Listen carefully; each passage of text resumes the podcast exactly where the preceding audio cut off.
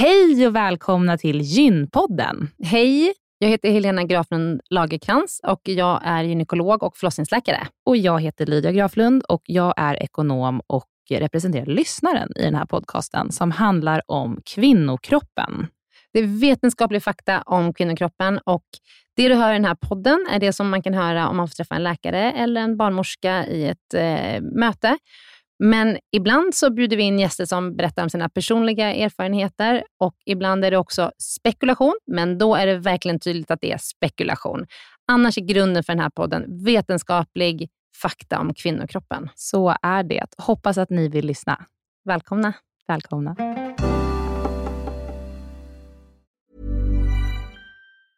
Have catch yourself eating the same flavorless dinner three days in a row? Dreaming of something better? Well, HelloFresh is your guilt-free dream come true, baby. It's me, Gigi Palmer. Let's wake up those taste buds with hot, juicy pecan-crusted chicken or garlic butter shrimp scampi. Mm. Hello Fresh. Stop dreaming of all the delicious possibilities and dig in at HelloFresh.com.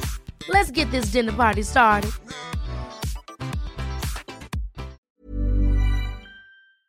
Den här veckans avsnitt av Gynpodden är sponsrad av Ester Care. Och Helena, det är ju det bolaget, vårdbolaget, som du och jag har varit med och startat, där vi erbjuder digitala vårdmöten med specialister inom kvinnovård. Precis. Och vi vet att det är väldigt mycket vårdpersonal som lyssnar på Gynpodden, vilket vi är jätteglada för. Och vi behöver alltid fler gynekologer till STKR. Så därför vill vi nu göra en shout-out till alla er som lyssnar där ute som vill vara med och förändra svensk kvinnovård. Vi söker specialister inom gynekologi, men också ST-läkare som har kommit en bit in i sin ST och som vill arbeta digitalt eh, med handledning på, hos oss på STKR. Mm. Och precis som det är för våra patienter som kan söka vård hos oss, det vill säga att de kan bo vart som helst i landet eftersom vi är digitala. Om man laddar ner appen och så bokar man ett vårdmöte, så kan ju även läkaren bo vart som helst i landet eller flytta under tiden man jobbar hos oss. Det är ju väldigt, väldigt flexibelt eftersom eh, man jobbar hemifrån. Och Jag tänker att det måste ju också vara helt underbart att som läkare kunna arbeta hemifrån och planera sin egen tid några dagar i veckan. Ja, verkligen. Och samtidigt vara med och förändra kvinnovården med kollegor som är otroligt drivna och engagerade. Det är jätteroligt att jobba på SDKR. Och jag tycker att det här är en häftig grej som vi gör just nu, att vi erbjuder gyn, äh, gynvård i hela landet. Och vilka är de vanligaste patientmötena du tar, Helena? Ja, men det är ju klimakteriet, eh, PMS, eh, mensbesvär. Och det är ju såklart Eh, ärenden och eh, diagnoser som går att hantera digitalt. Men vi remitterar också vidare när det behövs mm. Eh, och tar labbprover när det behövs mm. och så vidare. Mm. Så gå in på sdcare.com, klicka på jobba hos oss i menyn för att läsa mer och skicka in en ansökan. Tack så mycket. Tack och välkomna. Jag tror att många känner som jag just nu en stor sorg för vad som händer i Ukraina Eh, att man känner att man vill på något sätt kunna hjälpa till, men kanske inte vet exakt hur. Ett tips från oss på Gynpodden är att bidra till flyktingarna som lämnar Ukraina just nu, vilket man kan göra via UNHCR, som är FNs flyktingorgan. Eh, krisen drabbar både barn och familjer och liv och säkerhet är i fara och UNHCR är på plats. Så man kan bidra med eh, olika typer av summor som, som kommer att hjälpa människorna som är på flykt just nu. Ett exempel är 370 kronor räcker till ett akut nödpaket som räddar eh, livet på människor som eh, är i en akut situation idag. Och eh, om man bidrar till UNHCR så eh, dubblas din gåva av Akelius Foundation. Så gå in på unhcr.se eh, och eh, bidra helt enkelt. Tack. Hej och välkomna till Gynpodden. Välkomna. Ska du få börja med att presentera dig idag? Ja, är det sant? ja, varsågod. jag börja? Okay. I vanlig ordning så är jag här, Lydia. Och jag, Helena. Och ja, vad, vad, ska vi, det var länge sedan nu vi pratade om vilka vi är egentligen. Mm. Eh, vi, nu sitter vi här och poddar och vi är systrar, men jag är gynekolog. Mm. Och du Lydia är? Ekonom. Ekonom. Mm. Ja. Och jobbar med någonting helt annat som ja. inte är relaterat till det här alls. Men jag är också kvinna och jag är 30 och jag har många tjejkompisar och eh, mycket mycket av de eh, ämnena som vi tar upp i den här podden pratar vi om väldigt ofta. Mm. Och Det är så kul att podda med dig, Lydia. För mm.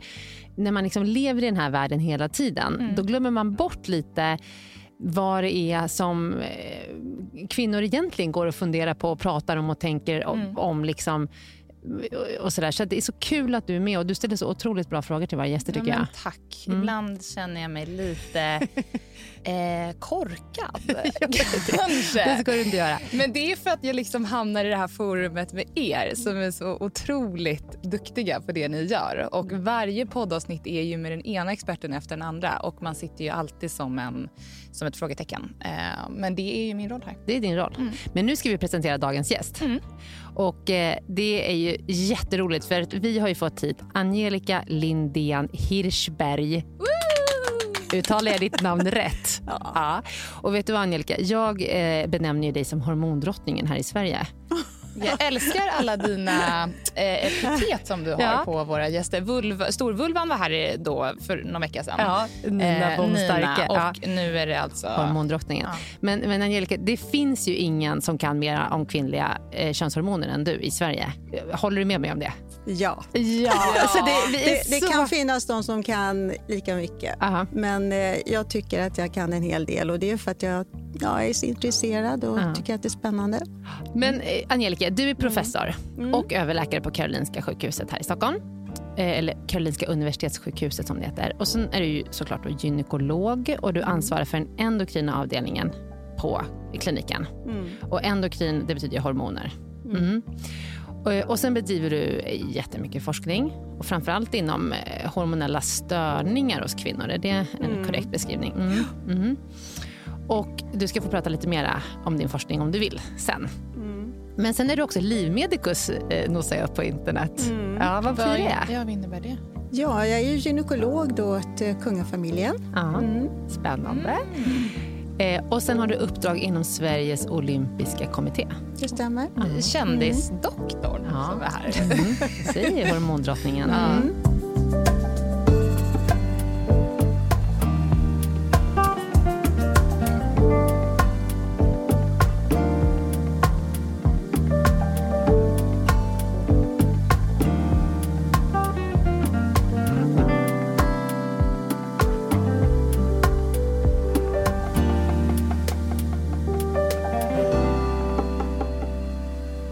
Vi kör igång med dagens ämne. Mm. Klimakteriet. Mm. Ja, Lydia, ska, vad vill du börja med att fråga Angelica?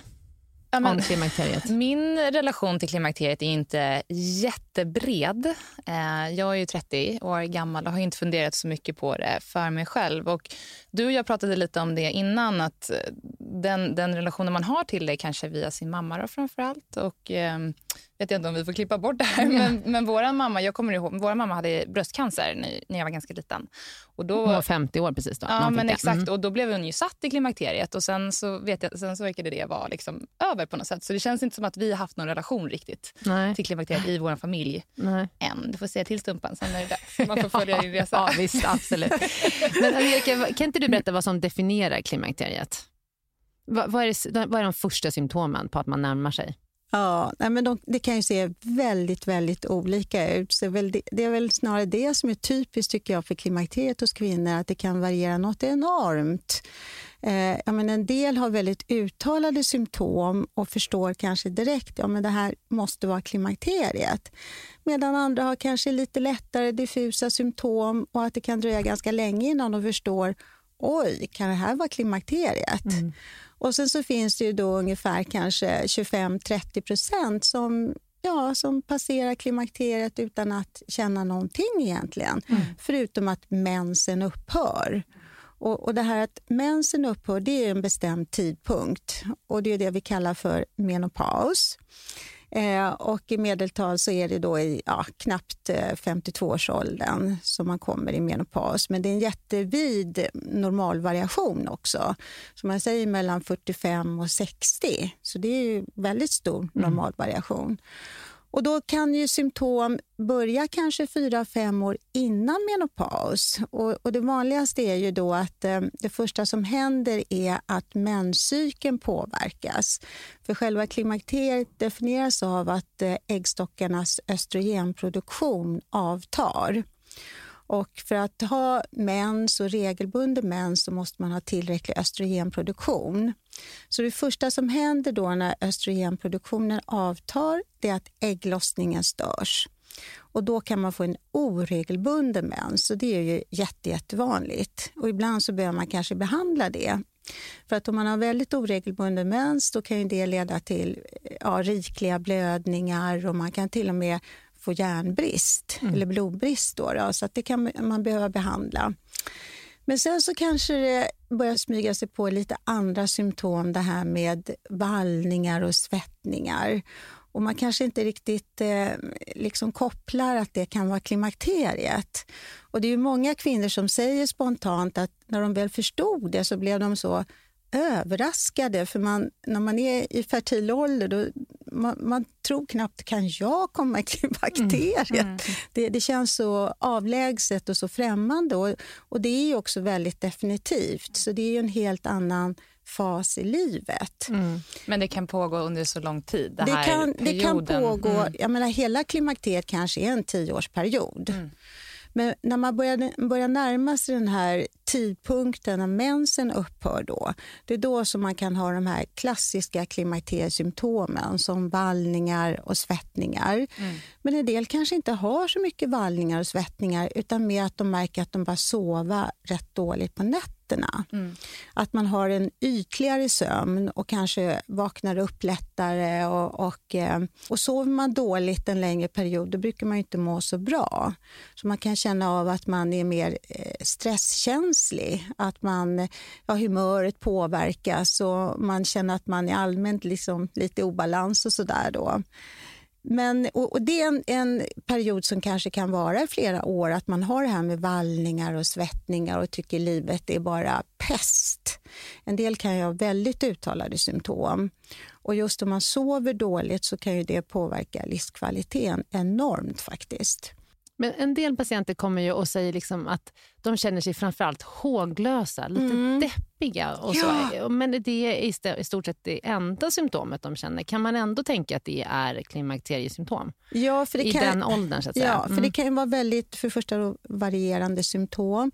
Men sen så kan ju en del vara direkt kopplade till att det här med att östrogenproduktionen avtar. Men sen så kan man ju ha symptom som är mera så att säga, indirekt kopplade till den här hormonomställningen.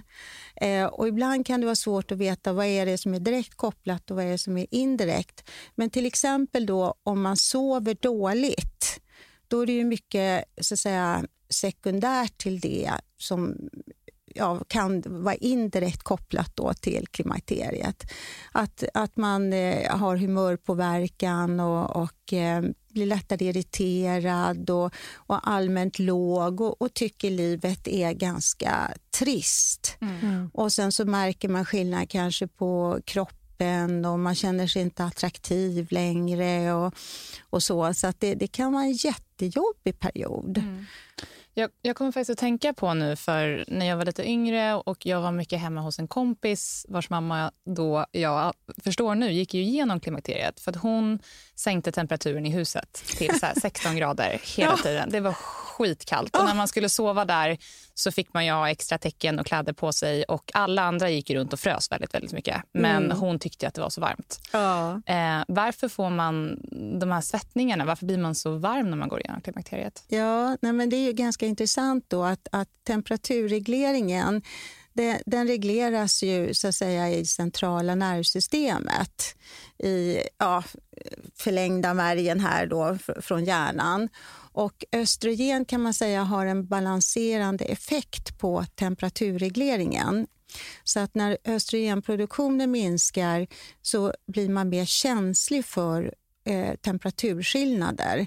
Så väldigt små temperaturskillnader kan göra att man börjar svettas och sen när man svettas så fryser man. Så att omväxlande då kan det vara det att man svettas och sen så fryser man så det blir det att man tar av och på kläder hela tiden. Mm. Vad är det som Eh. gör att det sen regleras och blir, alltså att symptomen är övergående? För Ja, det blir de, de går ju över efter ett tag. Ja, för de allra flesta går ju de här symptomen över. Och Då tänker man sig att jag menar, från början så svänger ju de här hormonerna supermycket. Det är verkligen berg och dalbana. Och det är väl egentligen svängningarna som man kanske mår sämst av. Men sen när östrogenproduktionen har minskat mer och mer, då kommer det på en mer stabil, lägre nivå. Och då på något vis då, då anpassar sig kroppen och de här eh, olika systemen så att det blir mer jämnt. Och eh, faktum är att, att man tror ju då när man är mitt uppe i den där perioden, gud ska jag ha det så här resten av mitt liv? Det här är inget kul. Men, men vad man kan trösta är ju att, att det kommer ett liv efter klimakteriet också. Och eh, de flesta av de här symptomen brukar ju faktiskt försvinna. Eh, och att man då mår bättre helt enkelt när det blir mer balans på allting igen. Då. Mm. Mm. Finns, det, finns det någonting man kan göra under den här tiden för att lindra symptomen? Under, för det, du, du sa ju att det kan pågå i tio år. Det är Ja. ju rätt länge. Ja. Eh, jo, det är jättemycket man, man kan göra. Och, och eh, Det låter kanske lite tjatigt att, att hela tiden påpeka det här med livsstil. Då, då, men, men det är särskilt viktigt under den här perioden att man har en bra livsstil, att man äter regelbundet och helst inte för mycket. För det är också så att man lättare lägger på sig under den här perioden. För östrogen motverkar ju lite grann det här med bukfetma och det. Va? Och eh, så plötsligt så märker man, oj, så här stor brukar inte min mage vara. Och då har man gått upp fem kilo på kort tid. Va? Och så tror man att det ska vara så, men det behöver inte vara så. Och om man tänker extra mycket på livsstilen och helst också träna regelbundet, då kan man ju motverka dels att man går upp i vikt, men också de här symptomen som vallningar och svettningar. Så att eh, regelbunden fysisk aktivitet, det, det kan man verkligen betona just under den här perioden. Det ska man ju alltid hålla på med, men, men särskilt under den här perioden. För att det, det sker dramatiska förändringar under kort tid. Och har man olyckligtvis då råkat gå upp kanske 10 kilo på ett par år, då är det svårt att och, eh, ja, försöka gå ner igen. Mm.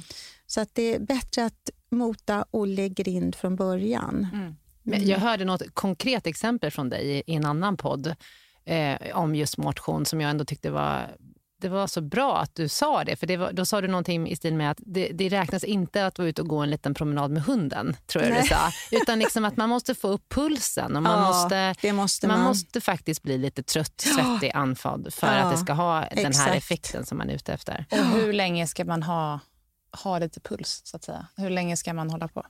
Nej, det, det finns ju allmänna rekommendationer om det, men, men jag tänker mig väldigt enkelt så här, två till tre gånger i veckan, helst tre, minst 30 minuter åt gången då, men där man verkligen får upp pulsen och anstränger sig. Sen är det jättebra med promenader och, och så också, men, men för att det verkligen ska få effekt så måste man känna att man anstränger sig.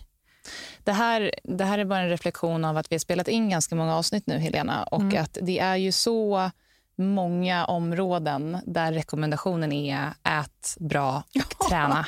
Och sov Ja. Eh, och sov. Mm. Det, är ju, och det, det vet man ju. Sen så vet man ju att alla gör det inte för att det är inte så lätt alltid. Men det är ju mantrat. Ja.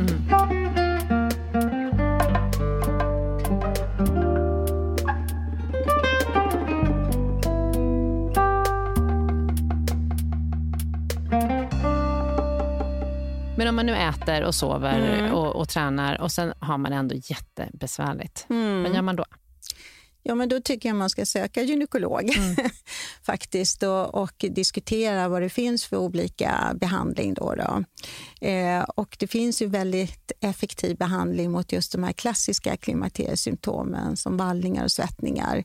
Och det är ju östrogenbehandling. Och, eh, eh, det kan ju i vissa fall vara kontroversiellt, men då tycker jag man får diskutera igenom det, hur man ser på det. Men har man symptom som påverkar livskvaliteten på ett avgörande sätt. Och kanske inte minst det här med sömnen och att man känner att man, man helt enkelt eh, inte presterar ja, som man brukar göra. Då tycker jag man ska söka och, och resonera om vad det finns för olika typer av hjälp man kan få. Och varför är det kontroversiellt? Ja, det är ju framförallt att, att många förknippar då den här behandlingen med olika risker och kanske framför allt risken för bröstcancer.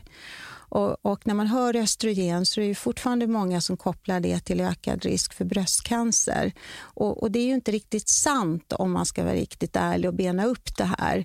Utan det är betydligt mer komplicerat än så.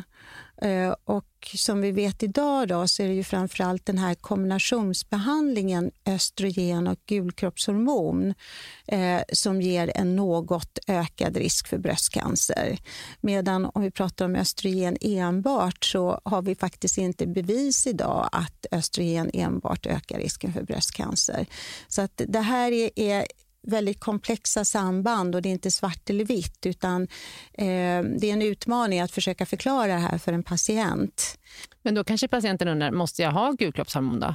Mm, precis, och, och, det är ju faktiskt så att det är östrogenet som har effekt på de här symptomen som vi har pratat om.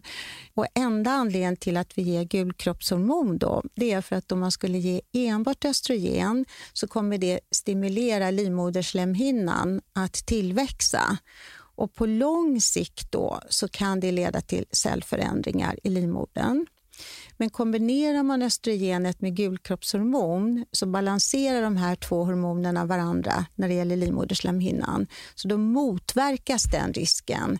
Så det är snarare att, att eh, man får en minskad risk för livmodercancer med kombinationsbehandling. Då, då. Så summa summarum, man väljer mellan lite förhöjd risk för bröstcancer eller lite förhöjd risk för livmoderhalscancer?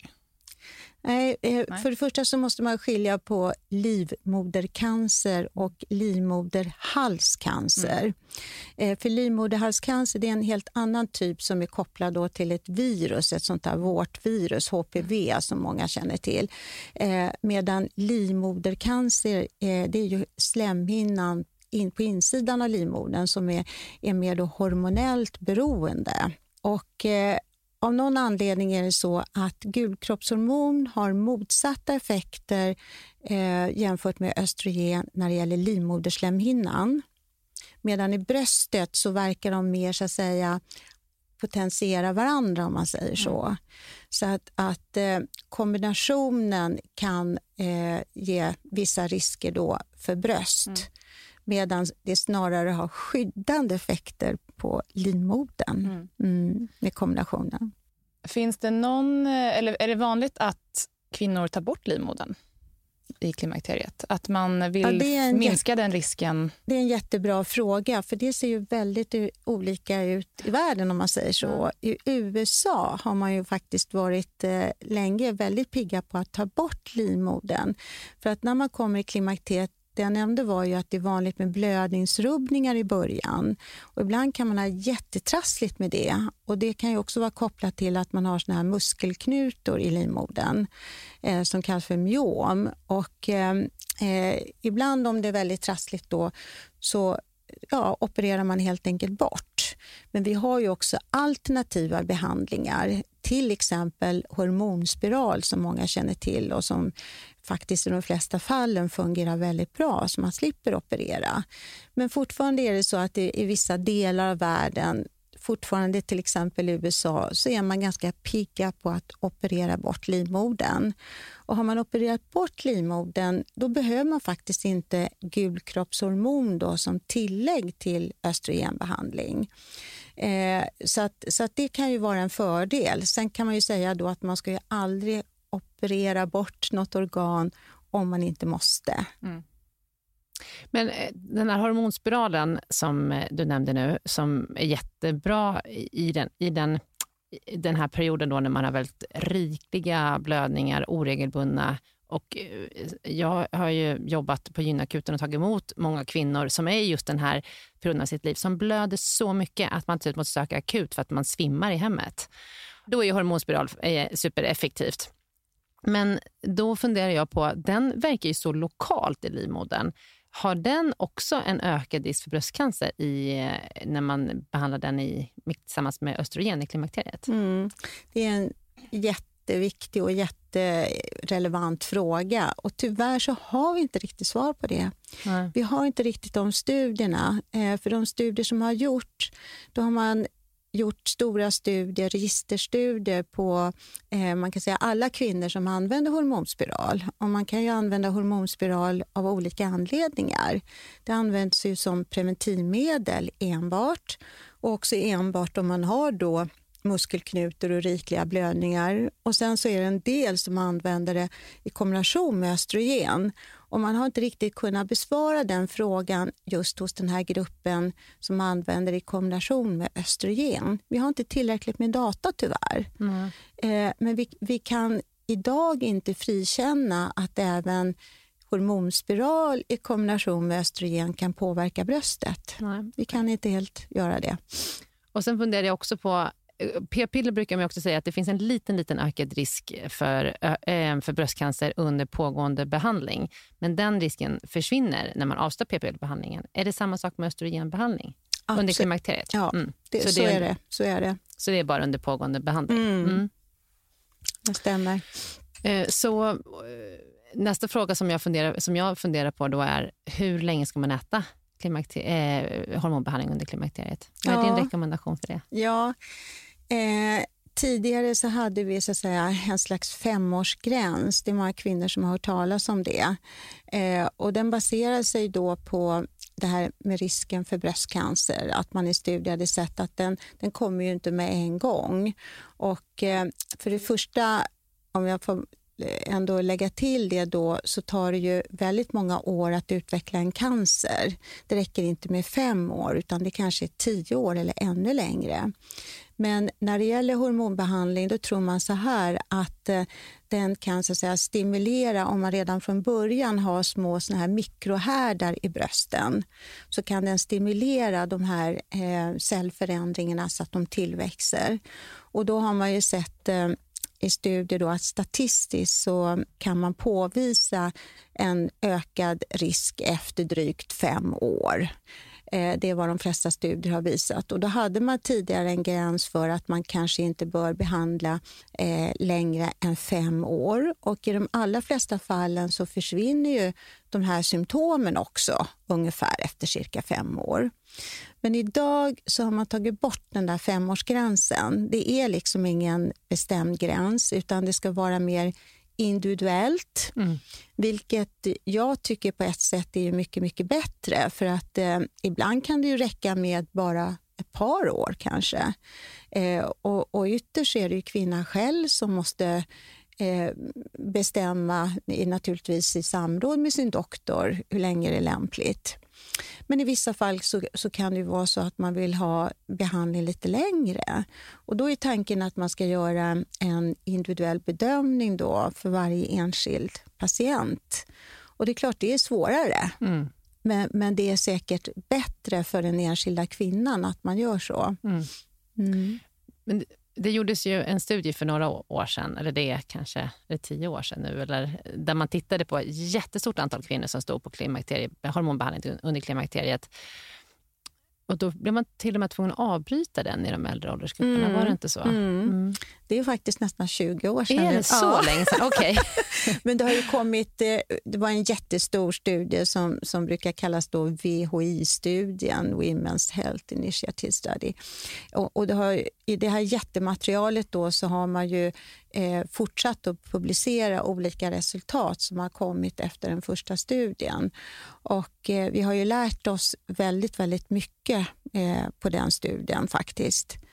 Nu tappade jag bort din fråga. Ja, min fråga var, eh, i de äldre åldersgrupperna så fick man väl åtminstone avbryta, som jag minns, eh, eller när jag bara hört om den här studien, att man fick avbryta för att man såg en massa komplikationer om kvinnorna var över 70, var det så? Ja, det, det, var ju så att eh, man inkluderade ju eh, kvinnor alltifrån åldern 50 till 79. Mm. Och De behövde inte ha några klimakteriesymptom utan de skulle vara allmänt friska. Eh, men det var en stor andel äldre kvinnor och som vi normalt sett inte sätter då på ja, potenta östrogenläkemedel. Utan vi brukar ju sätta in det i samband med klimakteriet som är 50-årsåldern. Och, och, det är sällan man sätter in det på 70-åringar så att säga. Och, och, det som var nytt då i den där första studien, det var ju det att man såg en ökad risk för hjärt-kärlsjukdom Eh, och då var det hela eh, den här populationen. Då, då. Eh, men när man tittade lite noggrannare på materialet då såg man ju att riskökningen eh, fanns bara i den här äldre åldersgruppen. Eh, framförallt om man delade då och tittade på de som var 60 år och äldre eller de som var yngre än 60 år. Eh, och, och, Det intressanta var ju att de som hade påbörjat behandlingen eh, i nära anslutning till menopaus, alltså i 50-årsåldern, där såg man ju en skyddseffekt av den aktiva behandlingen när det gällde hjärt-kärlsjukdom. Medan de som var äldre då var det precis tvärtom. Mm. Mm. Och, och det här tycker jag illustrerar så tydligt att det här med hormoner, det är verkligen inte svart eller vitt. Utan hormoner kan ju ha väldigt olika effekter och kan så att säga modifiera, påverka olika faktorer eh, där man inte alltid i förväg kan räkna ut vad blir så att säga nettoresultatet. Och eh, som man har tolkat det här då, då är ju att, att östrogen kan ha olika effekter på hjärt-kärlsystemet. Eh, och eh, de positiva effekterna är ju eh, till exempel att det ger upphov till att eh, kärlen lättare vidgar sig och så. Eh, och, och, det förbättrar cirkulationen kan man enkelt säga. Medan de negativa effekterna är blodpropp. Mm. Eh, och blodpropp ökar ju om det här med processen av åderförkalkning och så har kommit igång. Och enkelt så tänker man sig då att eh, om man påbörjar behandlingen i yngre åldrar, då kan man tillgodogöra sig mer de här positiva effekterna av östrogen. Medan om man påbörjar när man är lite äldre och kanske har börjat få lite åderförkalkade kärl, då överväger de negativa effekterna. Just det. På, på tal om de här åldersgrupperna, vad, vad är den äldsta åldern du har sett att en kvinna går in i klimakteriet? Ja, det är, det är en jättebra fråga, men det är väl upp mot 60-årsåldern. Mm. Så att det, det, är ju en jättestor normalvariation. Ja. Och vad är det yngsta? Ja, nu, nu på Karolinska så är vi ju eh, lite specialiserade på kvinnor som har olika hormonella rubbningar. Och det finns en grupp kvinnor som kommer i tidigt klimakterium av olika skäl. Då.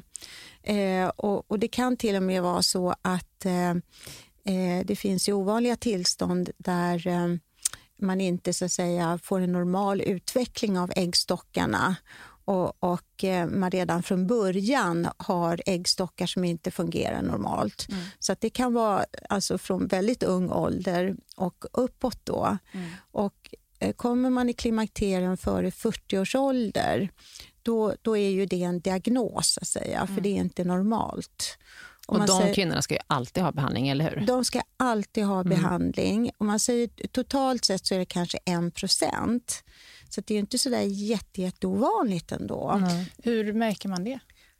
Ja, det är en bra fråga. Är det så att man har haft mens, man har fått igång mensen och sen att det här utvecklar sig, då brukar man märka det genom att mensen börjar krångla och sen uteblir. Och sen att man får de här klassiska klimakteriesymptomen som vi har pratat om. Mm. Och ofta blir de mer uttalade än vid ett normalt klimakterium. Eh, och att eh, man kan också uppleva den här stressen och må verkligen jättedåligt. Eh, så då är det viktigt att man söker för det. För att precis som du sa då så ska man ha behandling då. Eh, och då är det här med östrogenbehandling och då är det inte bara för att motverka symptomen utan vi vet också att det finns medicinska komplikationer med tidig klimakterium. Mm. Och det är till exempel då en ökad risk för eh, benskörhet, ökad risk för hjärt-kärlsjukdom och ökad risk för demens faktiskt. Mm. Och, och, det man säger kognitiv påverkan med minnespåverkan och koncentrationssvårigheter och så. Då. Så det är jätteviktigt. Och jag tänker också att eh, för de kvinnor blir det ju kanske svårare att få barn. Ja, tyvärr är det ju så. Och där är det ju inte alltid som vi kan eh, hjälpa med att kunna så att säga, ja, förbättra fertiliteten. Eller, eller i princip så kan vi inte det. Men vi vet också att sånt här tillstånd kan lite grann variera. Så att eh, man kan, i vissa fall så kan man bli gravid men eh, att det är dålig prognos för det. Mm. Men sen så finns det ju en viss form av provrörsbefruktning då, då mm. som kallas för äggdonation som man kan erbjuda de kvinnorna. Mm.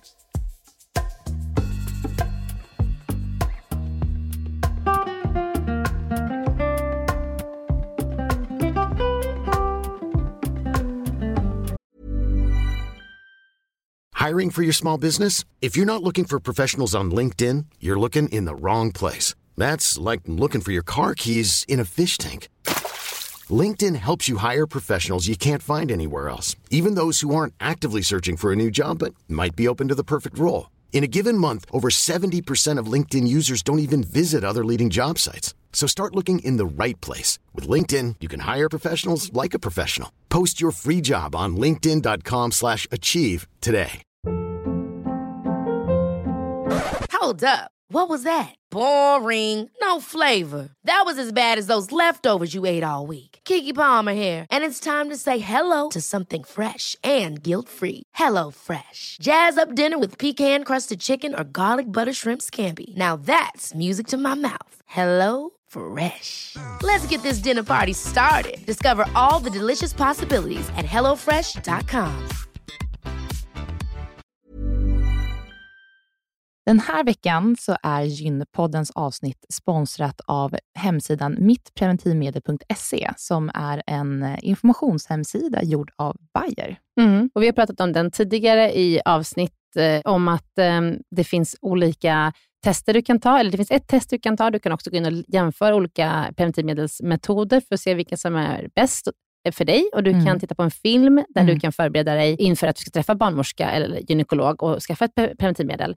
Men det vi skulle vilja berätta om idag, det är att det finns också då eh, på mittpreventivmedel.se så finns det en bra lathund om man råkar glömma ta sitt p-piller, eftersom det beror ju lite på liksom när i kartan som du glömmer att ta ditt piller. Mm. Och Då kan du gå in under rubriken “Känner du igen dig?” så finns det en rubrik som heter “Undvika oplanerad graviditet”. Mm. Och Där är listat sådana här saker då som kan hända. Att mensen är sen, du har glömt att ta p-pillret, behov av akut p-piller och kondomen gick sönder. Mm. Ja, du vet Lydia, olika saker som kan hända mm. som ändå gör att man blir sjukt orolig och behöver få information om vad som kan hända.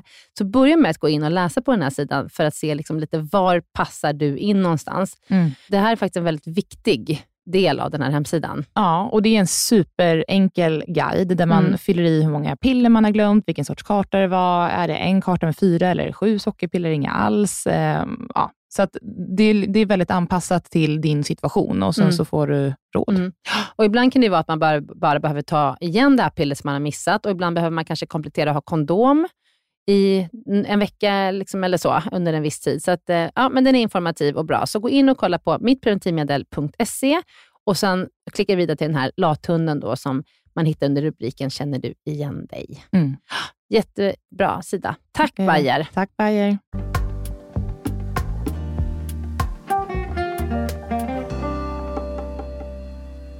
Veckans sponsor är Libress. Precis, och på Libress där har de tagit fram produkter som är framtagna för underlivets bästa där de fokuserar på att vara vulvavänliga och svanenmärkta för att underlivet ska få det absolut bästa under den tiden som man behöver ett skydd. Till exempel så kan man köpa menstrosor där. Jag tycker att menstrosor är en otroligt bra produkt, för det är ju så att man vet ju faktiskt inte alltid exakt när mensen kommer, eller Nej. mellanblödningar, mm. eller rikliga flytningar. Och Har man då ett par menstrosor på sig, då kan man känna sig skyddad hela tiden. Mm. Så jag tycker faktiskt att det är en superbra produkt. Det är en sjukt bra produkt. Så innovativt tänkt och eh, någonting som jag tycker att alla kvinnor ska testa som känner sig lite osäkra på om man kommer ha någon typ av mens eller någon typ av flytning och vill känna sig säker både dag och natt. Och Alla produkter är framtagna med underlivets bästa i fokus. Ja. Och så jag kommer på en grej till Lydia med mm. Libress. Jag som är lite patriotisk och gillar att köpa svenska varor. Libress är ju faktiskt ett helt svenskt varumärke ja, det är och det. ett svenskt företag. Det är stort. Det, ja, det är stort. Ja, för jag känner att man, man har ju vuxit upp med Libresse. De har ju funnits Ja. alltid. De har ju Ja, funnits ja. jättelänge och eh, känns så duktiga på det de gör. Precis. Jag är ju inne på Libres hemsida och eh, jag rekommenderar alla att gå in och titta på den. Den är så fin och jag tycker att de lyfter så mycket bra information. De, till exempel så tar de upp lite siffror där de skriver att så här, 64% tycker att det är jobbigt att prata om underlivshälsa. Och det här Mm. går ju verkligen i linje med den tabun som vi försöker bryta i Gynpodden som har med underlivshälsa eller underlivet och den kvinnokroppen att göra. Eh, Vilket är verkligen i linje med, med vad Libresse också vill göra. Och visste du Helena att 48% har inte fått lära sig av flytningar här? Nej, jag vet. Det är, ju- jag tror inte det har ingått i liksom, eh, biologin tidigare. Nej, vänta, vänta, vänta. Så här Nej. var det. 48% har fått lära sig vad flytningar är. Det betyder ju att det är en ännu större siffra som inte har fått lära sig det. Ja. Ja. Ja, vi får göra om läroplanen för biologin ja och människokroppen. Flytningar är en del av människokroppen och lika som mens. Så är det. Exakt. Ja. Och en Men, av eh, tack- två kvinnor skäms över sitt urinläckage. Ja. Nej, det, det, tack så jättemycket Libresse för att ni lyfter det här. Vi tycker att det är helt, helt fantastiskt. Och stort tack för att ni sponsrar den här podden. Tack. En kanske lite udda fråga, men eh, vi har ju spelat in avsnitt om, om menstruation, och hormoner och liksom reproduktionen och vet ju nu att man föds med 500 000 ägg. Eh, och när man då går in i klimakteriet, försvinner de då? Eller har de tagit slut? Eller är det bara att själva liksom, produktionen och maskineriet lägger ner?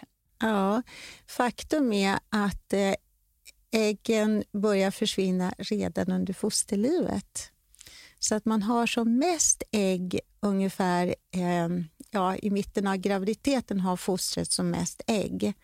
Och sen då efter vecka 20 så, så börjar de avta. Som bebis det är alltså? Som, deppigt. som, Men som gud, foster! Som foster! Så jag började förlora ägg liksom när jag var När du låg i mammas mage. Ja. när jag var sex Ja. månader. Mm. Ja. Ja, men så är det.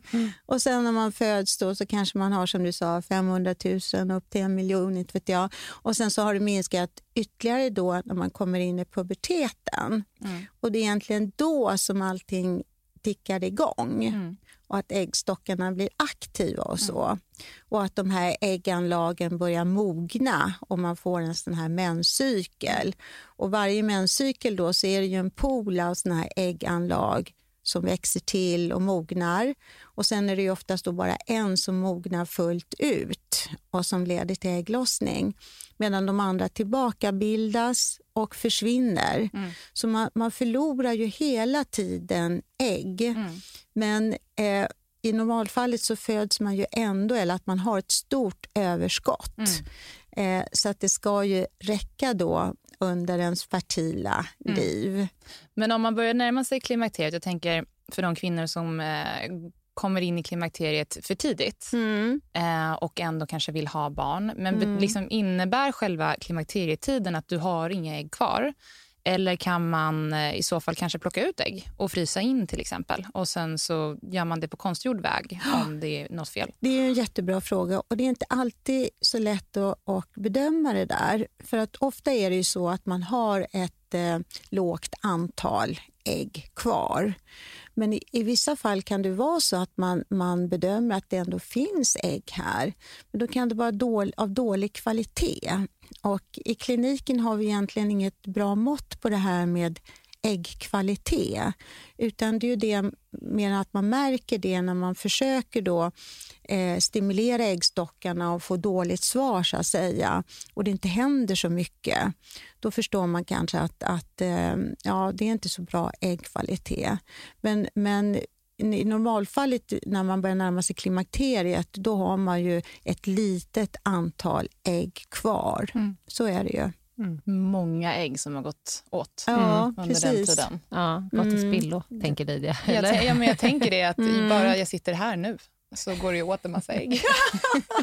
Jag hoppas du inte blir alltför stressad av det. Nej, det. Okej, men ska, om vi ska bara sammanfatta lite med det här med hormonbehandlingen. Så, Mm. eh, eh, om man är i en inom citationstecken normal eh, klimakterieperiod period eller ålder när man hamnar i klimakteriet, alltså någonstans från 45 upp till 52-55 kanske, Mm. då är det jättebra med behandling om man har symptom. Är man under 45, då ska alla kvinnor söka gynekolog och diskutera hormonbehandling. Ja, det Mm. håller jag verkligen Ja, med om. Bra. Mm. Mm. Då har vi fastställt det. Då har vi fastställt det och det är viktigt. Jag undrar, Angelica, vad är de vanligaste myterna om klimakteriet? du får plocka ut några. Ja, det, den frågan var jag inte riktigt förberedd Nej. på. Nej, men det, en myt kan ju vara då att eh, till exempel att sexualiteten försämras. Det tänkte jag faktiskt fråga om. Mm. Ja, Mm. och, och det behöver inte vara så. Det kan faktiskt vara precis tvärtom. Eh, så det är också väldigt individuellt. Och om man ska prata om hormoner då, så är det ju så att eh, då är det kanske framförallt de manliga könshormonerna som är viktiga för sexualiteten och för lust och så. Och eh, även om äggstockarnas östrogenproduktion avtar så avtar inte produktionen av de manliga könshormonerna utan de finns kvar där. För kvinnor har också produktion av manliga könshormoner. Ja, Mm. alltså äggstockarna producerar ju både kvinnliga och manliga könshormoner. Och eh, det är viktigt att det är balans mellan dem. Men man kan säga då efter klimakteriet, eller, eller före klimakteriet, då har man ju mer dominans av östrogen det kvinnliga könshormonet. Medan efter klimakteriet då är det mer de manliga könshormonerna. Och idag vet vi att de spelar jättestor roll. De spelar stor roll för sexlusten och vitaliteten och orken och så vidare. Så att eh, återigen, man ska inte... Tidigare var vi ganska pigga på att operera bort äggstockarna eh, för att till exempel förebygga då för äggstockscancer. Men även om man har kommit till klimakteriet så kan äggstockarna vara av stor betydelse. Och en del kvinnor upplever faktiskt en, en, eh, en positiv effekt. De slipper tänka på eh, det här med blödningar, det är inte så kul och, när man ska ha samliv och, och eh, man känner sig aldrig fräsch och sådär. Och man kan slappna av, man behöver inte vara rädd för att bli gravid och, och eh, man är i en annan livsfas och så vidare. Va? Så att eh, eh, det möjligen skulle kunna vara en myt. Då, då. Det finns säkert hur många som helst. Mm, En följdfråga på det här bara. Så att om man har mer sexlust än andra, har man mer testosteron i kroppen då? Ja, det är ju inte heller riktigt så enkelt. Alltså, för att vi vet att det har ju gjorts flera studier, framförallt då på äldre kvinnor som man kallar då postmenopausala, efter menopaus. Eh, och då har man kunnat visa tydligt att testosterontillskott förbättrar lusten om man har låg lust från början. Så det har vi, det kan, har, vi, har vi klarlagt kan man säga. Men däremot när man försöker då se om eh, den egna hormonproduktionen eh, har relation till sexlusten, då har man inte kunnat bevisa det i studier. Så det, det är inte så enkelt. Och, och det vet vi ju när det gäller det här med sexualitet, att det är ju otroligt komplext. Hormoner spelar roll, men det är så många andra faktorer som spelar roll och som kanske är ännu viktigare också. Men betyder det att ni i vissa fall tillför testosteron då för att höja sexlusten? Ja, det, det är en bra fråga. Och, eh, eh, om Nu vi tycker pratar jag vi har lämnat klimakteriet Jo, men, jag, men det är bara intressant kanske för de som går igenom det och, och funderar Okej. över den frågan, även Ja. om det var en Ja. Ja, Jo, nej, men alltså, jag, jag tycker nog att det är en relevant fråga. Tack. Eh, för att, eh, för att eh, eh, det finns en grupp kvinnor som har då låg lust. Eh, och att, att ha eh, liksom nedsatt sexlust i sig behöver ju inte betyda att man lider av det, men en del gör det. Och, och inte minst för att det kan påverka relationen och så, och, och söker för hjälp. Och, och då, då vet vi då att testosteron faktiskt har en positiv effekt. Eh, och eh, eh Problemet är bara att det finns inget läkemedel på marknaden, i alla fall inte på den svenska marknaden, som är avsatt för behandling hos kvinnor. Utan det vi använder i kliniken det är läkemedel som är avsedda för behandling av män eh, som har testosteronbrist. Ping på affärsidé, eller? ja, eh, eh, det finns ju i världen så finns Exakt, det... Exakt, ja, ta det till Norden. Ja, Någon. exakt. Mm. exakt va? Eh, så hur, hur som helst, i vissa fall så eh, behandlar vi kvinnor med testosteron. Absolut, det gör vi. Men nu, nu är jag ju så tråkig så nu går jag ju tillbaka Mm. till de här lite mera Mm. eh, kliniskt, eh, men de här Mm. lite mera vanliga frågorna. Eh, torra slemhinnor i Mm. slidan, det är ju jättevanligt efter klimakteriet och det Ja, är ju, skulle jag säga, helt ofarligt att behandla med lokalt östrogen. ja, för Mm. vi, vi kom aldrig så långt innan. Vi kom där till runt menopaus och så kom vi inte till efter det. För det är precis som du säger då att, att eh, när, man har, när de värsta hormonsvängningarna har lagt sig om man är med på en stabil lägre nivå av östrogen. För östrogen upphör ju inte helt att produceras. Bland annat kan vi producera det i fettväv och, och andra vävnader. Men hur som helst, om man har lägre östrogenproduktion då kan det påverka slemhinnor. Så att slemhinnor generellt blir torrare. Och då tänker man kanske i första hand på underlivet och, och det kan vara nog så besvärligt i, i vissa fall. Att man känner sig jättetorr och eh, får väldigt ont då i samband med samliv och så. Så att man helt tappar lusten och, och det blir bara plågsamt. Eh, och så kan man också få, få symptom på att eh, eh, man får liksom urinträngningar och eh, kanske lättare urinvägsinfektioner och det kan bli jättetrassligt. Eh, sen är det faktiskt inte bara slemhinnor i underlivet som kan påverkas utan slemhinnor generellt. Till exempel i munhåla, i ögon och i näsa och så vidare. Eh, så man kan få problem med tänderna, man kan få problem med ögonen som rinner och så vidare. Eh, och Det kan också hänga ihop då med den här östrogenbristen. Men till skillnad då från eh, hormonbehandling som man ger för att påverka det här med vallningar och svettningar och så, eh, så finns det ju lokalt östrogen också som man använder för underlivet. Och det ska inte påverka resten av kroppen. Och den behandlingen har ju ingen ökad risk för någon form av cancer. Varken bröstcancer, livmodercancer eller någon annan form av cancer. Och ingen ökad risk för blodpropp heller, trots att det, det kan stå så i den här bipacksedeln. Och, och varför det gör det då, det är ju för att man har slagit ihop alla slags östrogenpreparat och har inte skilt upp då de som påverkar hela kroppen och de som påverkar bara lokalt. Mm. Så det är ju verkligen en uppmaning till alla kvinnor som har torra underliv. Gå till Mm. gynekologen och få lokalt östrogen, för det förändrar ju livet för många Mm. att få det. Så, och det är som sagt, eh, det- är ju inte så kontroversiellt. Nej. En annan fråga. Är, går män igenom något motsvarande tillstånd? Nej, det, det, jag tycker inte man kan säga att de gör det. Eh, för att klimakteriet är ju ändå en ganska dramatisk eh, hormonell förändring på relativt kort tid ändå. Ja. Det är inte lätt Eh, att vara kvinna alltså? Eh, Nej. medan för män är det så att eh, de bildar ju könshormoner från testiklarna och binjurarna. Hos kvinnor är det ju från äggstockarna och binjurarna. Men hos män är det så då att testosteronet det minskar successivt med åldern.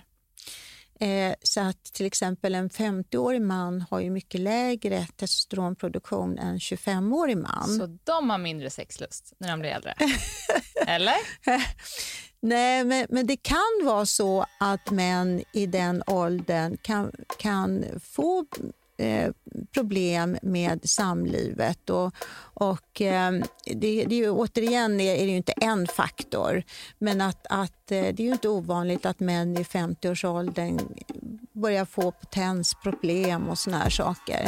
Det som kan vara lite olyckligt är ju då om kvinnan då plötsligt vaknar till. och- Just det. att man inte är Småbarnsåren är synkade. förbi. Ja. Ja. Ja. Så det, Nej, det men är då får killarna ovanligt. steppa upp tycker jag. Eller så får man skaffa en yngre kille. Gud, det ska vi inte uppmuntra till. Nej. Inte i första hand.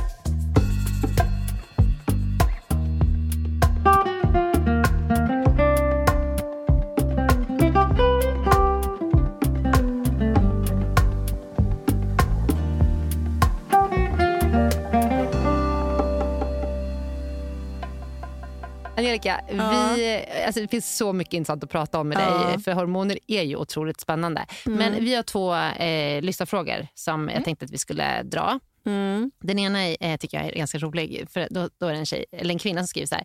Jag är en 60-årig privilegierad kvinna, frisk och hälsosam, nikotinfri och sportar. Och sex har alltid haft stor betydelse i mitt liv. I samband med klimakteriet försvann all lust. Utöver svettningen med mera så fick jag, blev jag torr överallt. Sen sju år tillbaka, alltså från då 53 års ålder, så äter jag östrogen och, eller så har jag östrogen och eh, gestagen. Jag har provat Provera och lite annat. Sen ett år tillbaka så har jag plåster, 100 mikrogram i kombination med hormonspiral för att minska riskerna. Jag mår så bra. Sexlivet är fantastiskt. Lust och lubrikation åter på topp, men livrädd för risker och, och att jag har tillfört hormoner i så många år. Behöver jag verkligen sluta? Jag vet att det här är en lyxfråga, men eh, mitt liv skulle verkligen kännas bedrövligt om sex inte längre var en stor del av mitt liv. Mm. Vad Mm. svarar vi henne? Hon är 60 år. Ja. Eh, nu, nu, jag, jag kan inte uttala mig exakt eh, när det gäller henne som person, då, för man behöver ju träffa en patient och undersöka och Mm. få helheten och så vidare. Men, men återigen så är det ju så att eh, det finns ju inte någon absolut gräns för när man måste sluta, utan livskvalitet är, är ju jätteviktigt. Och, eh, eh, det är ju för första patienten själv som måste uttrycka vad har hon för önskemål och vill hon det, ja, då är det ju upp till den behandlande läkaren att tänka till, finns det någon, några hinder här? Och av hennes berättelse så hör jag inga hinder för att hon kan fortsätta. Eh, men nu har vi ju inte hela bilden. Nej. Men är det väldigt viktigt för en, då får man ju får man ju diskutera för och nackdelar och sen så ska vi alltid uppmuntra till att man följer det här screeningprogrammet med, med mammografier. Då. Och Eh. sen också kanske då, som du berättar, att när det lägger sig på lite mer stabil, låg eh, nivå så återfår man eh, liksom stabilitet i livet och kanske sexlusten ökar eh, igen. Jag menar i hennes liv, även om hon skulle sluta med sina mediciner. Ja, absolut. Det behöver Mm. inte hänga bara på just Nej. den behandlingen. Men har hon hittat någon behandling som funkar Mm. bra nu, då tycker jag hon kan fortsätta ta. Men sen Mm. kan man ju tänka sig att man till exempel minskar dosen Mm. och, och lite sådär. Då, då. Mm. Så att eh, jag, jag tyckte att det lät lugnt. Mm, ja, Mm. jag tyckte också det. Och sen en annan lite kortare fråga. Då är det en kvinna som är 48 år som har jättejobbiga klimakteriebesvär med svettningar och vallningar bland annat. Hon har migrän med aura och inte kunnat käka p-piller under sitt liv. Kan man ändå ta eh, klimakteriebehandling med östrogen och Vad gestagen? Vad innebär migrän med aura? Ja, det är när man har migrän med, eh, som kommer med en slags förvarning. Det kan vara till exempel synfenomen och så. Jag känner att jag frågat det här en gång tidigare. Ja, men nu ska jag komma ihåg Men, och, Mm. och då avråds man från att äta kombinerade p-piller. Mhm. Hur är det med östrogenbehandling under klimakteriet? Mm. Eh, det är också en jättebra fråga. Och, eh, och, och där får man också göra en individuell bedömning. Men jag ser det absolut inte som något absolut hinder Nej. för östrogenbehandling. Men då kan vi försöka förklara då att det är skillnad på om man använder östrogen i tablettform jämfört med om man får det i form av plåster, gel eller en spray som finns idag. Eh, för eh, äter man östrogentabletter så kommer det passera levern. Och, ehm, och då kan östrogenet påverka levern och bland annat ehm, stimulera produktionen av faktorer som har med blodpropp att göra, blodproppsbildning. Medan om man får östrogen som tas upp via huden, då, som till exempel plåster, då får man inte den levereffekten. Och då har man till exempel ingen ökad risk för eh, blodpropp eh, och inte heller då stroke. Så att eh, i det här fallet då så skulle man ju rekommendera sån behandling. Just det. Mm. Mm. Vad bra. Det, det har inte vi tagit upp här tidigare under programmet, att, att eh, plåster inte har någon ökad propprisk. För det är ju Mm. jättemånga som frågar om det. Ja, ja men det stämmer.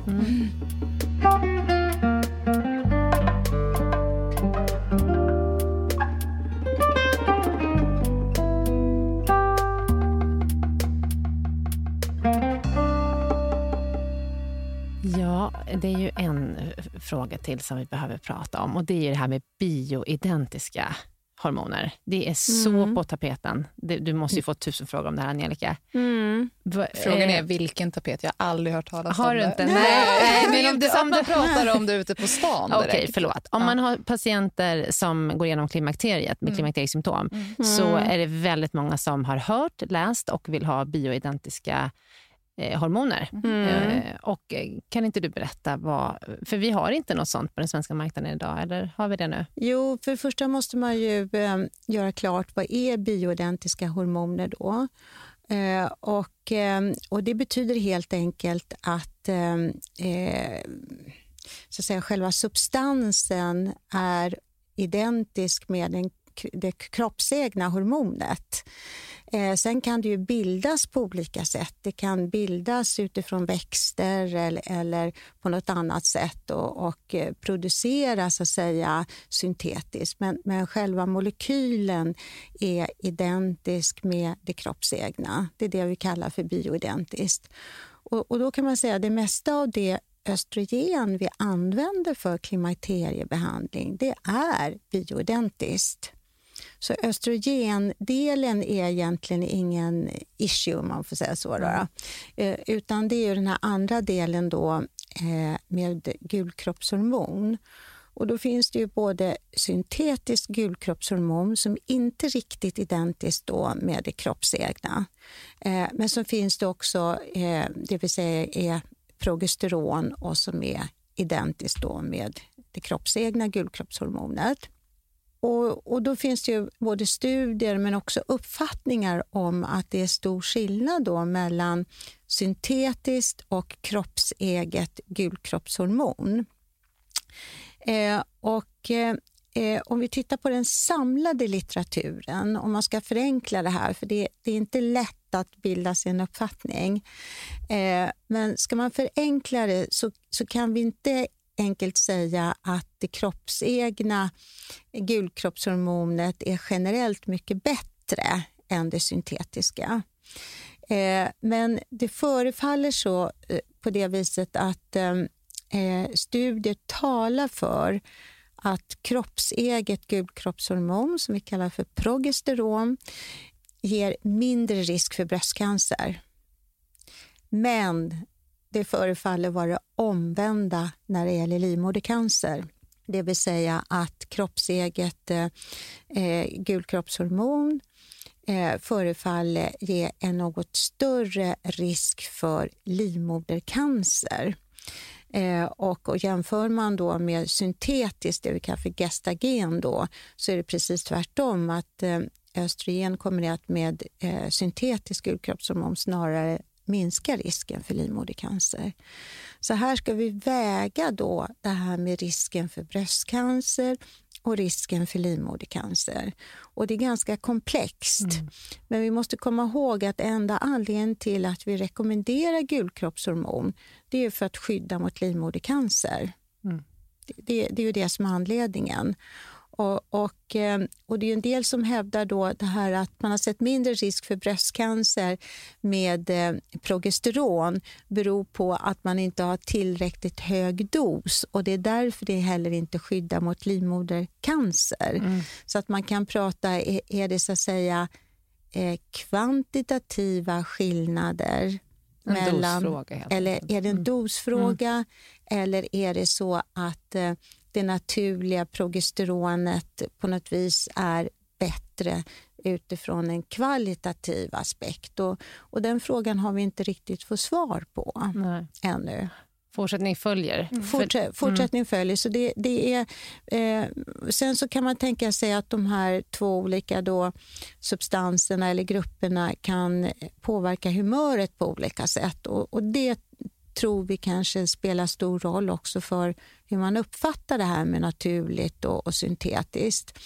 För att det syntetiska gulkroppshormonet kan i vissa fall ge en negativ humörpåverkan.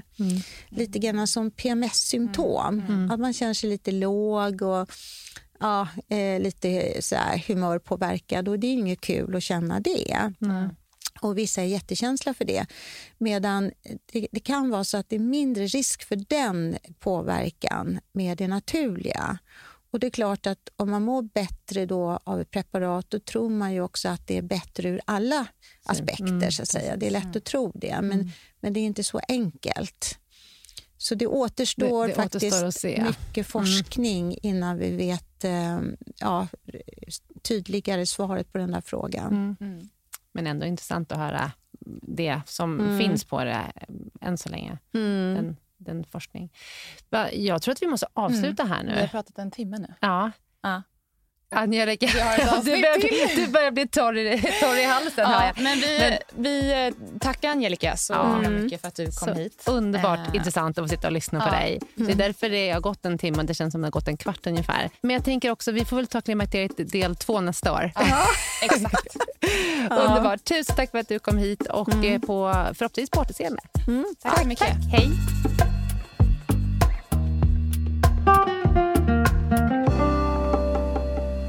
Ha, Lydia, Ja.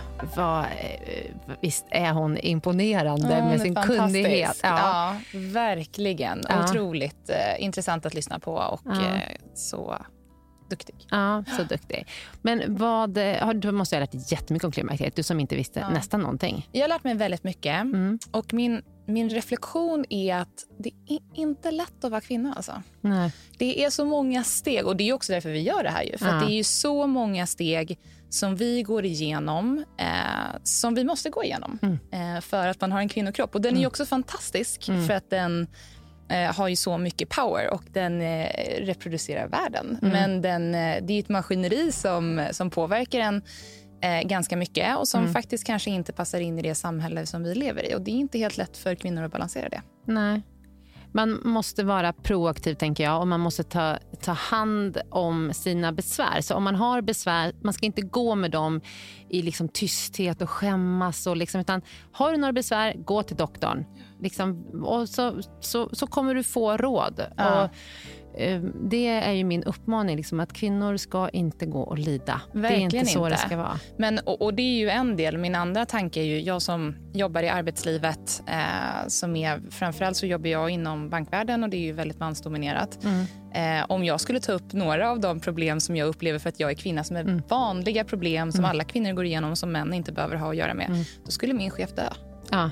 Kan inte du säga, kan inte du bara säga så här nästa gång, så här, ursäkta mig eh, till din chef, men alltså det kliar så mycket i snippan idag. Jag har en svampinfektion.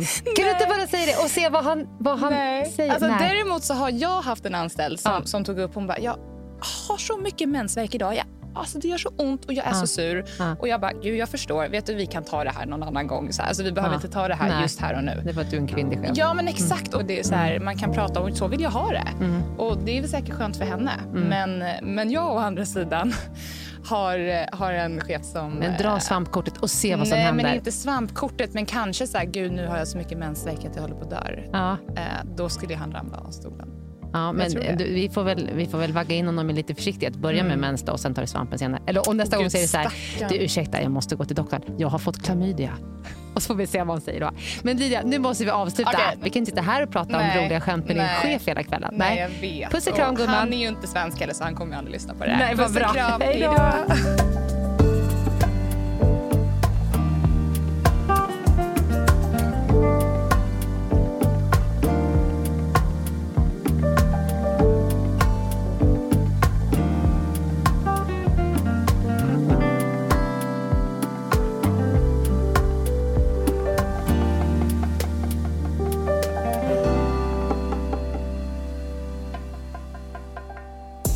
Podcasten är producerad av Perfect Day Media.